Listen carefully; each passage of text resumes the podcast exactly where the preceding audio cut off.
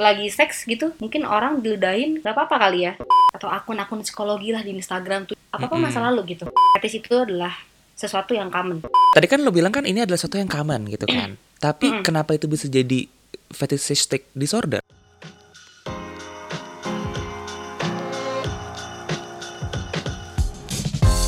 Hi, you're listening to Get Real with Ryan, a podcast that inspires people to show the real side of them with the purpose of sharing valuable knowledge and also learning from each other's life experiences as a lesson and a process to us.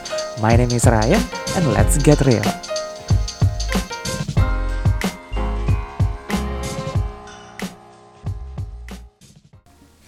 Oke, nah teman-teman, tadi kita kan udah dengarkan pendapat dari dua narasumber yang udah kita ajak ngobrol nih. Nah, sekarang gue juga pengen tahu nih kepo, gimana sih si fetish ini duduk persoalannya dari segi ilmiah gitu. Apakah ini suatu hal yang wajar, ataukah mungkin ada hal-hal lain yang menarik yang mengenai sebuah fetish gitu. Nah, sudah ada di sini Helena. Hai Helena. Hai Ryan, Hai. halo. Jadi Helena ini adalah salah satu konsultan di psikologi dan fokusnya itu di bagian psikologi klinis. Betul ya Helena ya? Iya. Oke. Nah, Len, boleh nggak nih di dikasih sedikit em, apa namanya statement awal nih? Kira-kira kalau misalkan dari sisi ilmiah, apakah fetish ini merupakan hal yang wajar? Em, apakah fetish ini merupakan hal yang wajar ya? Mm-mm. Hmm, gini, sebenarnya ini tuh tergantung dari apa definisi wajar itu sendiri. Mm-mm. Kayak misalnya gini ya, eh, ini gue boleh ngomong jorok sedikit. Nggak apa-apa kak, mau jorok mau yang gimana silahkan. Open aja kita di Oke, sini. oke asik ya. jadi eh, ya tergantung ya sebenarnya eh, dari apa definisi wajar itu sendiri Eh, Hmm. jadi misalnya gini apakah suka nyicipin tai kuping kita sendiri nih Hmm. atau mengendus-ngendus eh, keringat selangkangan kita itu Mm-mm. adalah sesuatu yang wajar Mm-mm. Ya kalau itu dijawab iya, ya maka berarti fetis bisa dikategorikan sebagai hal yang wajar Mhm. dan nggak berada dalam definitif yang abnormal karena kan lawannya adalah normal ya. Jadi yang dibilang wajar itu apa aja gue bingung nih. Mhm. Karena misalnya di zaman dulu juga di literasi kuno ya, seks itu dibilang hanya untuk menghasilkan keturunan, Mhm. hanya untuk buat anak.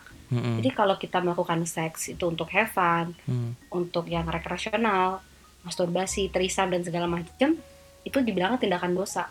Hmm. Jadi ya menurut gue instead dari pakai kata wajar, gue Hmm. lebih pilih eh, fetish itu adalah sesuatu yang common, adalah sesuatu yang umum. Hmm, hmm. Karena zaman sekarang ini banyak orang yang melakukan fetish untuk eh, kesenangan pribadi. Hmm. Kayak ya emang stalking kan ya halus gitu kan ya. Mhm. Siapa sih yang nggak suka megang yang halus-halus, yang lembut-lembut gitu kan? Hmm. Kebanyakan orang pasti demen megangnya gitu. Jadi kalau gue bilang gue suka have sex sama kulit pohon karena kulit pohon itu kasar, apakah gue dibilang nggak wajar, ya kan? Mhm. Jadi kalau mau stating mana fetish yang wajar atau enggak, ya sebenarnya susah gitu. Jadi ya balik lagi gue lebih pilih kata common. Jadi sebenarnya balik lagi ke selain kata common, balik lagi ke ini benar-benar purely on personal re- apa preference gitu. Whether menurut dia itu Betul. common apa tidak, ya balik lagi apakah menurut dia seperti Iya. itu. Oke, nah. Jadi itu hal yang Mm-mm. menyenangkan sebelum tidur dilakukan rutinitas Mm-mm. mencintai kuping sendiri kan nggak tahu ya. Mm. Oke, I see. Nah, terus kalau misalkan dari faktor nih yang mendorong munculnya dari fetish ini nih, apa nih kira-kira? Apakah ada pengaruh, let's say, oh dulu eh, trauma nih di apa dipaksa atau ngapain? Jadi demen, atau mungkin faktor lingkungan atau gimana nih?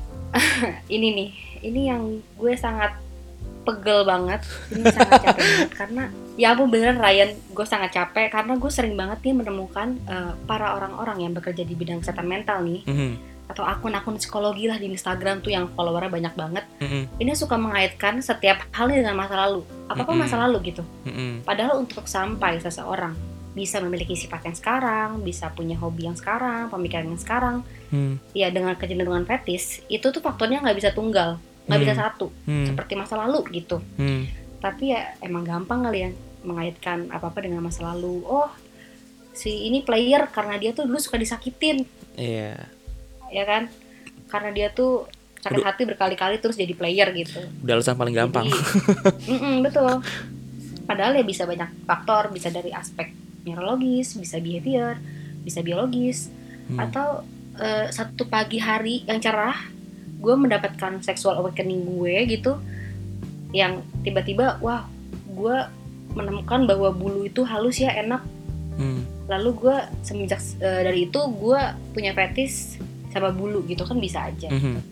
jadi setiap orang yang punya fetisnya itu beda-beda alasannya kenapa faktornya kenapa Hmm. dan ini juga nih Ryan yang bisa membedakan si dunia psikologi ini dengan dunia medis Mhm. karena medis itu jelas objeknya kelihatan Hmm. tubuh kan kelihatan tapi psikologi sendiri kan objeknya jiwa Mhm. ayo mati nggak lo jiwa nggak kelihatan men Betul. mana bentuknya ya kan makanya yang namanya disorder berbeda dengan disease ya disease itu kan berbeda dengan disorder disorder itu gangguan yang berarti adanya ketidakteraturan Mhm. ketidakseimbangan atau gangguan atas fungsi normal jadi beda sama penyakit yang penyebabnya itu spesifik dan gejala atau sim- simptomnya tuh jelas gitu Hmm. kayak lo asam urat kaki lo bengkak karena lo makan emping gitu Mhm.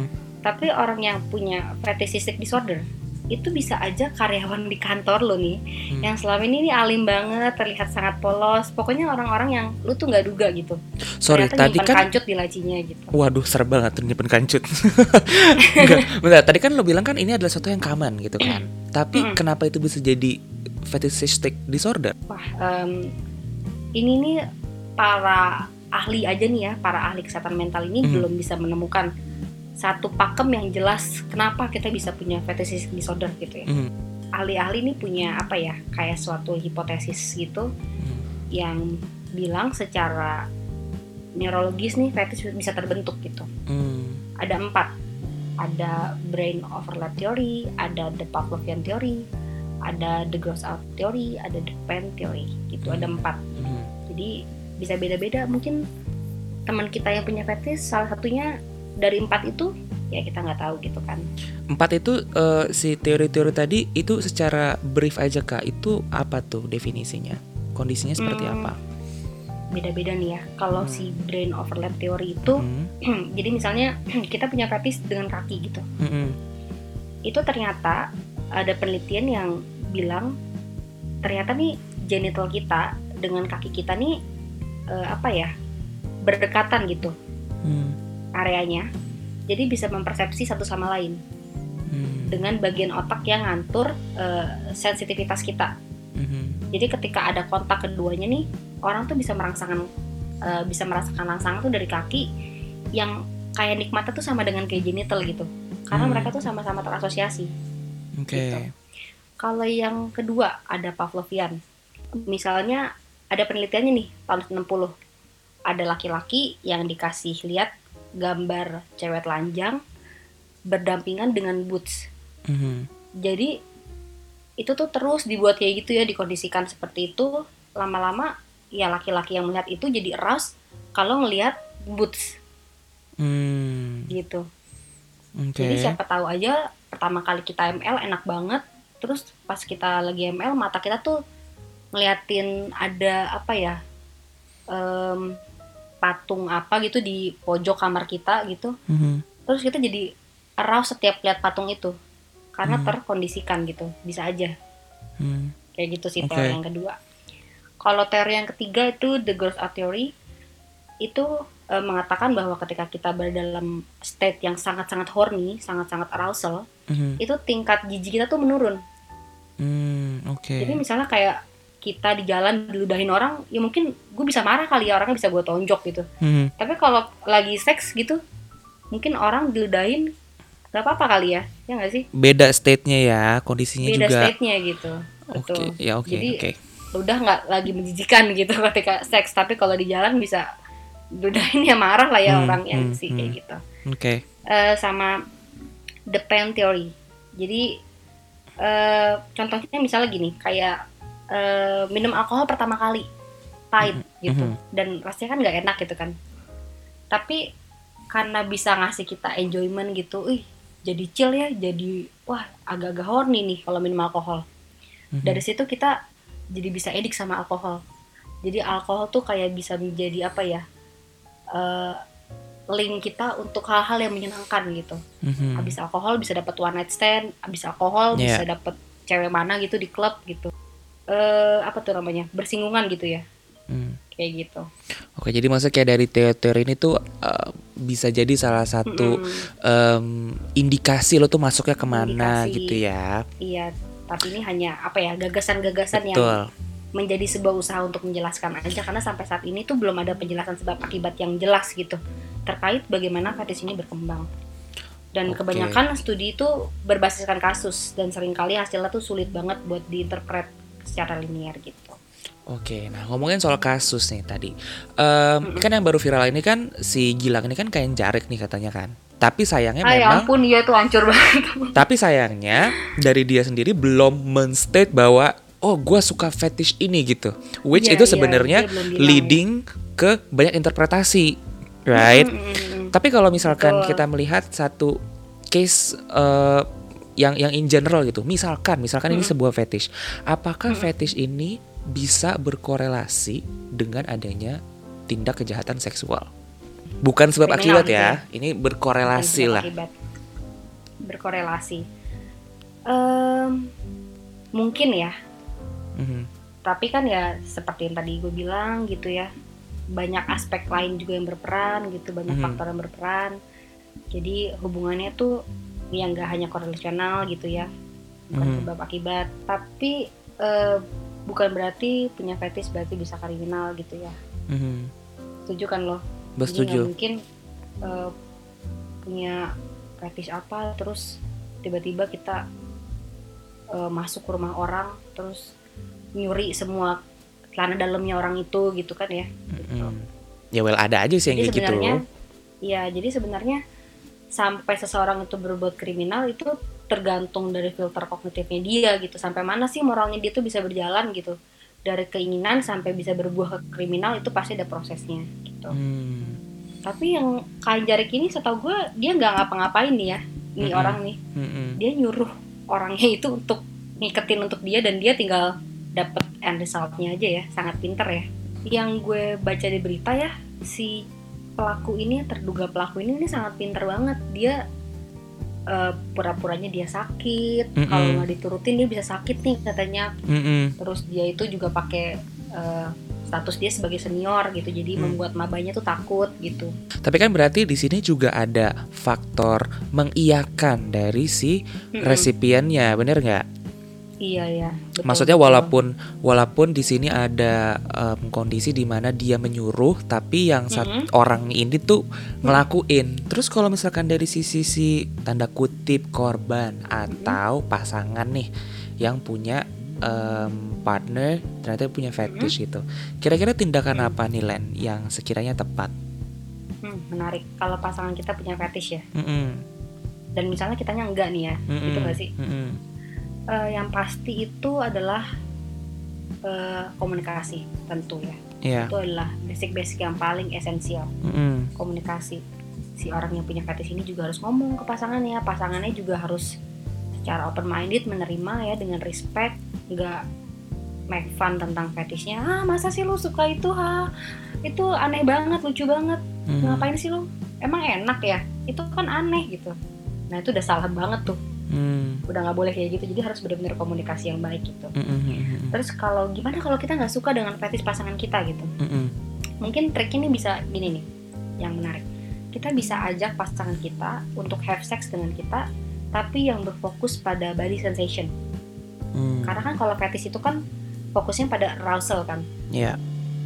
lihat dulu mikir dulu baru itu kan baru uh, horny gitu jadi kita ajak pasangan kita untuk nggak pakai barang-barang fetishnya dia tapi kita fokus pada apa ya merasakan sensasi badan satu sama lain gitu Mm.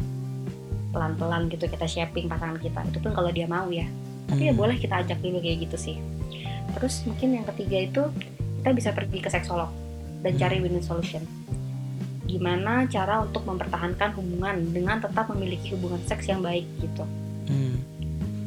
Apalagi eh, jika kita tuh decide emang kita nih mau sama si orang yang punya fetish ini untuk long term gitu Mm-mm. makanya topik ini nih harus benar-benar dibicarakan secara terbuka gitu kita nggak Oke. boleh nepan tentang fetish dia kita harus respect sama dia gitu Mm. paling aman sih ada seksolog sih perantara yang bisa menengahkan si dua orang ini. Hmm, supaya dua-duanya saling terpenuhi keinginannya ya. Iya. Oke, terus Betul, kok betul. mengenai consent nih, berarti it's part of the communication juga ya, berarti Len? Betul, komunikasi, komunikasi. Udah komunikasi, udah ngomong, kalau setuju lakuin. Kalaupun kita udah setuju dan di tengah-tengah kita nggak nyaman, kita boleh bilang enggak. Oke. Jadi konsen itu nggak ada masa rentang kapannya gitu ya. Jadi Hmm, kapan pun kita mau stop, kita boleh stop. Karena penting loh, ketika kita bilang no ya no, mau di tengah, mau di mana gitu ya, mau di Hmm. seperempat waktunya kita melakukan, kalau enggak ya enggak. Tuh, Jadi perkosaan kalau dilanjutkan. hmm, Oke, nah itu dia. Itu deh. Ujung-ujungnya balik lagi eh, si si personal ini yang yang yang harus mengendalikan dirinya sendiri gitu terhadap desire-nya dia gitu untuk eh, dalam sisi seksual. Terakhir Len, loh, menurut ilmiah em, itu perlu nggak sih dikomunikasikan let's say ke profesional gitu kalau misalkan seandainya mengganggu banget nih gitu. mengganggu banget. eh jadi gini, sebenarnya mempunyai fetish dan juga eh, mempunyai fetish sisik disorder itu kan berbeda gitu kan ya. Hmm, Jadi misalnya gue tuh punya fetish eh, terhadap cowok yang memakai latex mm-mm, gitu kan. Wah, seksi ya cowok pakai latex. mm-mm, Tapi di waktu yang lain ya gue Hmm. bisa tetap orgasme tanpa pasangan gue memakai latex gitu. Hmm, itu namanya punya punya fetish gitu. Hmm, tapi yang udah fetishistic disorder itu kalau pasangan gue nggak pakai latex itu gue nggak bisa orgasme bahkan gue nggak bisa arouse. Nah mungkin yang punya fetishistic disorder itulah yang harus atau boleh ke eh, ahli kesehatan mental gitu. Hmm, karena kalau yang fetishistic disorder itu kan simptomnya juga ada kan. Iya. misalnya kayak dia nih udah enam bulan minimal merasakan hal tersebut gitu. Hmm, orangnya juga apa ya terganggu nih secara sosial secara kognitif gitu ya. Eh, nggak bisa kerja gitu. Misalnya kalau di kantor dia jadi terus-terusan mikirin stalking bosnya yang cewek gitu sampai nggak bisa mikir gitu mhm. nah itu boleh kayaknya pergi ke psikolog gitu pergi ke Oke. ahli kesehatan mental gitu ya Hmm. tapi kalau masih wih lucu ya pakai latex ya seksi deh hmm, gue rasa semua orang punya fantasi tersendiri ya Iya. gitu Oke teman-teman, jadi tadi kita sudah mendengarkan tiga pendapat yang berbeda ya. Satu dari sisi penerima, kemudian satu lagi itu dari sisi yang memiliki fetish Dan juga ada dari segi ilmiah itu yang menjelaskan fetish ini tuh seperti apa sebenarnya. Dan sebenarnya kalau misalkan bisa kita rangkum ya Ada beberapa tema yang lumayan menonjol dari diskusi kali ini. Yang pertama itu adalah communication. Dan which communication ini adalah satu hal yang sangat esensial dalam suatu hubungan gitu loh, terlebih hubungan seksual. Jadi harus clear lo tuh sukanya gimana dan gua sukanya digimanain dan itu harus dikomunikasikan dari awal gitu loh untuk bisa terjadi mutualism antara dua belah pihak. Kemudian ada juga tema mengenai consent bahwa segala sesuatu itu harus berdasarkan persetujuan antara satu atau dua belah pihak gitu. Dan consent ini sendiri tidak ada batasan waktunya. Kalau misalkan ada di tengah jalan misalkan lu kayak udah gak kuat, you can just say stop gitu loh. Dan lu nggak mesti memaksakan sesuatu dan mengorbankan idealisme.